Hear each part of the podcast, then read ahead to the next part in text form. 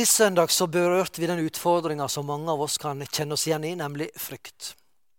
Og det er ikke bare for koronaviruset, der vi hamstrer dopapir og mel, men mange andre ting i livet vårt også. Økonomi og barn, helse, ensomhet. Vi kunne ramse opp mange ting. Frykt er en naturlig del av livet og en viktig del av livet. Og det er viktig at vi er redd for de rette tingene. Og vi skal f.eks. banalt nok være redd for å være uforsiktig nært et stup. Sånn kunne vi fortsette. Den ultimate frykten, det er jo døden. Og Vi så på det sist gang at svaret på det det er ikke å søke trygghet i noe konkret og håndfast. Eh, men det er i overgivelse, slik som Jesus gjorde. Hvordan var det han møtte døden der han hang på korset? Jo, far, i dine hender overgir jeg min ånd. Og dette er en djup overgivelse av hele livet, så vi på. Her og nå. I dag skal vi se litt mer på konkret hvordan kan vi gjøre det, og hva er fruktene av det. Hva gjør, gjør jeg da, når frykten for noen jeg er glad i, setter seg som en svart klo i magen? Jo, jeg ber. Herre, det her er for masse. Jeg orker ikke å bære det. Jeg må gi meg sjøl til deg. Jeg må gi den jeg er glad i, til deg. Jeg veit ikke hva som vil skje. Jeg veit ikke hvor lenge. Jeg har ikke kontrollen, men jeg overgir alt til deg. Dette har jeg øvd meg på. Og det er sånn i livet eh, og vandringa med Jesus. Vi trenger å øve. Øve på å overgi oss hele tida. Jo, jeg syns sjøl at jeg er blitt mer moden på det området å overgi konkrete ting.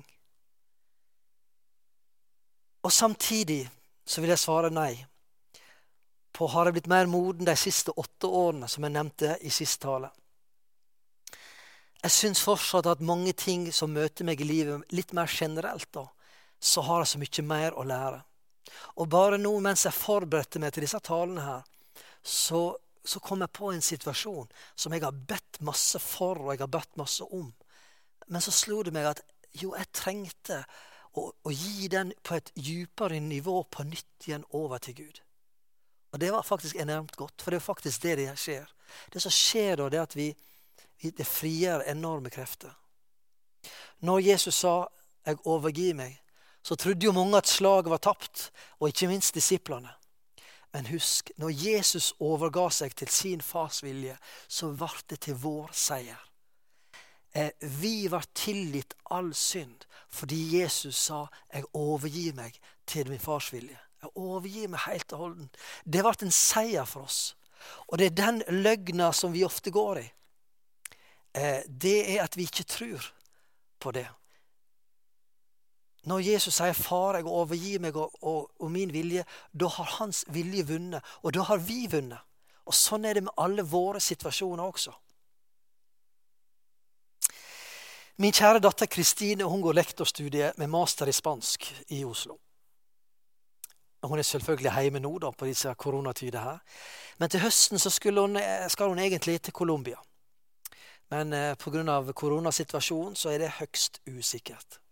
Og sannsynligvis så vil ikke det gå. Så tok jeg en prat med henne om akkurat det her temaet jeg skulle snakke om. Og så gikk vi litt igjennom akkurat den situasjonen. Litt sånn halvsystematisk. Og så sa vi til hverandre, og jeg spurte henne jo, hva er situasjonen akkurat nå? Jo, mest sannsynlig så kommer ikke du deg til Colombia, og det har du gleda deg enormt lenge til. Og hun sjøl syntes at hun trengte det virkelig i studiet også. Og da var det to følelser som hun hadde. Det ene det var en sorg, for dette var en kjempemulighet som hun kanskje går glipp av. Og hun elsker jo å treffe nye folk og utforske språk og kultur og alt. Og Det har hun gleda seg enormt til. Og da er det naturlig at når det er noe vi ønsker om og drømt om ikke får, at vi kan kjenne på en sorg. Og så var det også en frykt hun kjente. Frykt for ikke å bli god nok i spansk, da. For det er jo greit å kunne spansk ganske godt når du skal drive og undervise andre om det. Og Det har jeg forståelse for. Og så var han også redd for at eh, høsten som kom, skulle bli like strevsomt som høsten som var, da hun virkelig måtte gå djupt for å finne krefter og holde ut i det krevende studiet. Hva var resultatet av det som hun kjente på? Jo, forteller hun. For det første så var det en enormt gledeslekkasje. Det er vel forståelig. Og så kjente hun på mye mindre motivasjon i studiet og i hverdagen sin. Og så hadde hun mindre forventninger til liksom de neste månedene som lå foran. Ok, og Så tok vi opp dagens tema da, med overgivelse. Så spurte jeg henne hvordan ville overgivelse se ut her. Og Det første hun sa, det var gi slipp på. Det handler jo nettopp i bønn å gi slipp på. Gi slipp på rettigheten til at jeg skal til Colombia. Så kan du føye inn dine ting. Gi opp din din eh, vilje, gi opp din, det du opplever som et krav, eller du har fortjent til det ene eller det andre, sammenligna med en eller annen. Vi skal se litt at det var akkurat det Jesus gjorde i Lukas 22, 39. Og Da er vi inn i like før Jesus skulle dø. Så gikk han ut og tok veien mot Oljeberget, som han pleide. Og disiplene fulgte han. Da var han kommet fram til stedet der, sa han til dem, be om at dere ikke må komme i fristelse. Han slet seg fra dem så langt som et steinkast. Interessant at han, han var så knytta til disiplene, og så frykt kjente han. Han falt på kne og ba, Far, om du vil, så ta dette begeret fra meg. Men la ikke min vilje skje, men din. Og det er akkurat det Jesus gjorde. Han ga slipp på sin egen, sine egne følelser, sin egen komforthet. Eh, og det som ramma han og tok han akkurat i det øyeblikket hvor frykten kom over han så kraftfullt. Vi leser en annen plass i evangeliet at han var så redd at han, han svetta blod. Så det å gi slipp på overgives handler nummer én å gi slipp på, gi slipp på din vilje og si ja til Guds vilje. Det andre vi var inne på, Kristine og jeg, det var at det handler om å stole på at noe annet er bedre. Og Så sa han klokelig nok at ikke nødvendigvis at det samme skal skje, men bare enda bedre. Men at noe nytt kan skje. Og det er å henge sammen med det vi sa sist søndag, at det er jo ikke en en, en, en fatalistisk tro eh, i overgivelse, men det er tillitsfull tro på Gud. Og nettopp i det siste her, med at alle ting tjener til gode for den som elsker Gud, sier Paulus i Romerbrevet 8. Alle ting tjener til det gode. En annen oversettelse står det 'samvirker til'. Og Det er nesten som om du, du tar, har en suppe suppe, fiskesuppe f.eks., og så har du masse ingredienser oppi. Og så er det ikke sikkert alt er like godt én og én, men det samvirker til det gode. Og det er akkurat sånn Gud gjør i sin kjærlighet til oss som sin gode far. Det at han lar også om det som er vanskelig, samvirke til det gode. Fordi vi legger våre liv i Guds hender. Og det er jo det som ligger dypest sett i å elske Gud.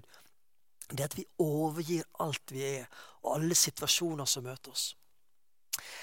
Ok, Tilbake til samtalen mellom meg og Kristine. Vi snakket om altså overgivelse. Men hva var det som kunne bli resultatet av da, å overgi? Jo, mer glede. Det kom med en gang.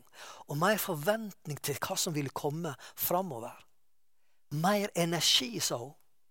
Og så sa hun noe som overraska meg litt.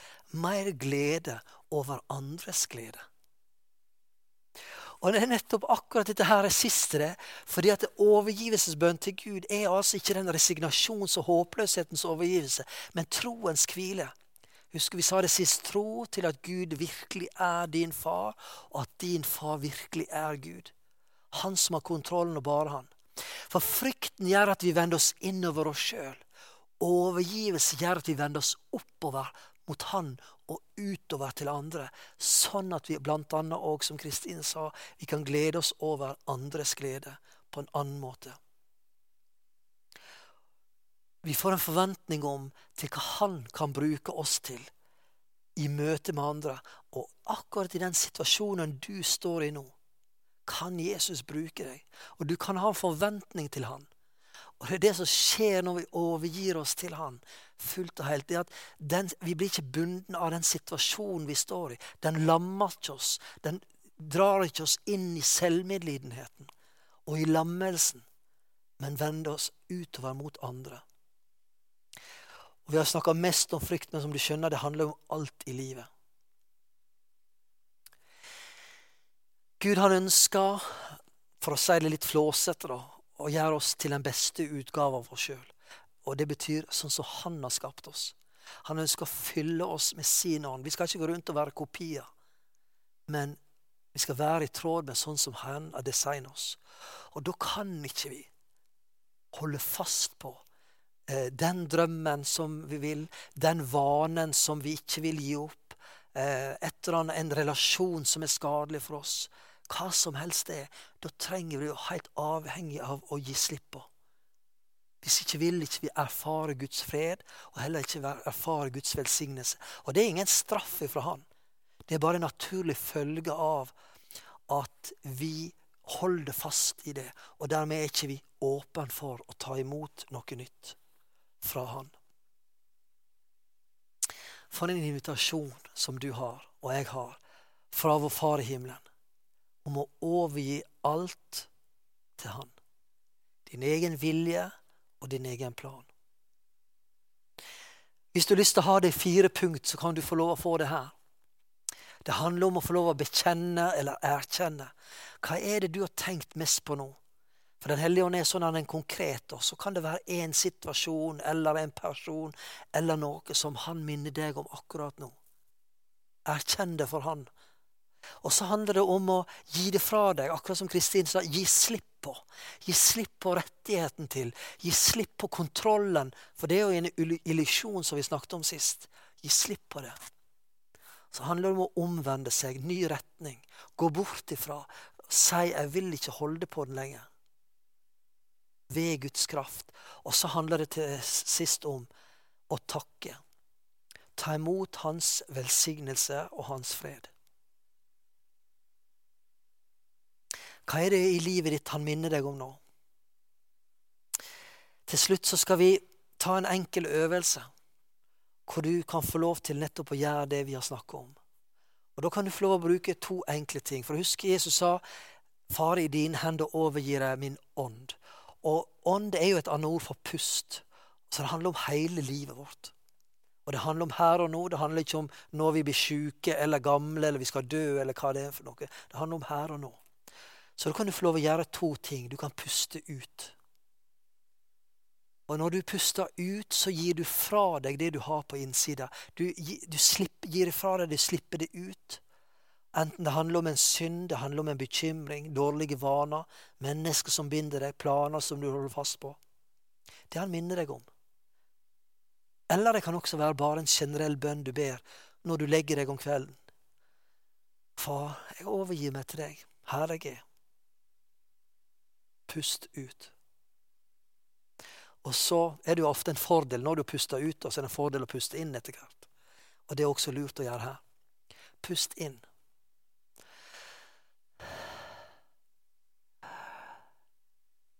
Ta imot.